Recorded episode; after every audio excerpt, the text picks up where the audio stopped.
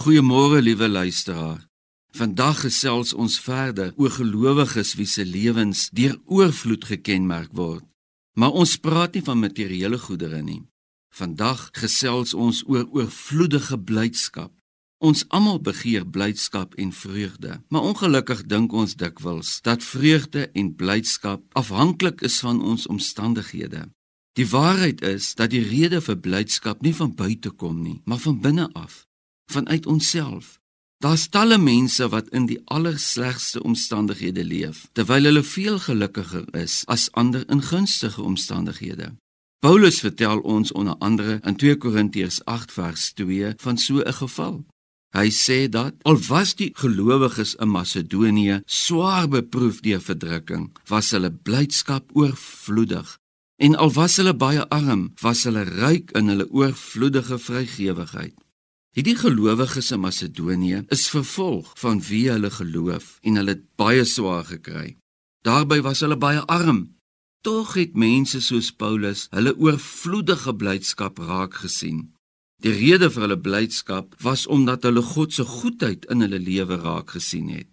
Dit sluit die besef in dat hulle verhouding met God weer herstel is en daaroor is hierdie Macedoniërs so bly. Om die waarheid te sê, daar staan Hulle blydskap is oorvloedig. Paulus noem hierdie arm Macedoniërs ryk. Hulle is so ryk en so vol blydskap dat hulle selfs oorvloedig gee aan ander wat arm is. Liewe luisteraar, Paulus gebruik die Macedoniërs as 'n voorbeeld om te wys dat 'n mens steeds blydskap kan uitstraal ondanks jou omstandighede en steeds kan uitreik na ander Kom ons laat hierdie Macedoniërs ook vandag vir ons 'n les gee in blydskap ondanks ons omstandighede. Blydskap lê nie in iets nie. Blydskap lê in jou. Blydskap gebeur nie net nie.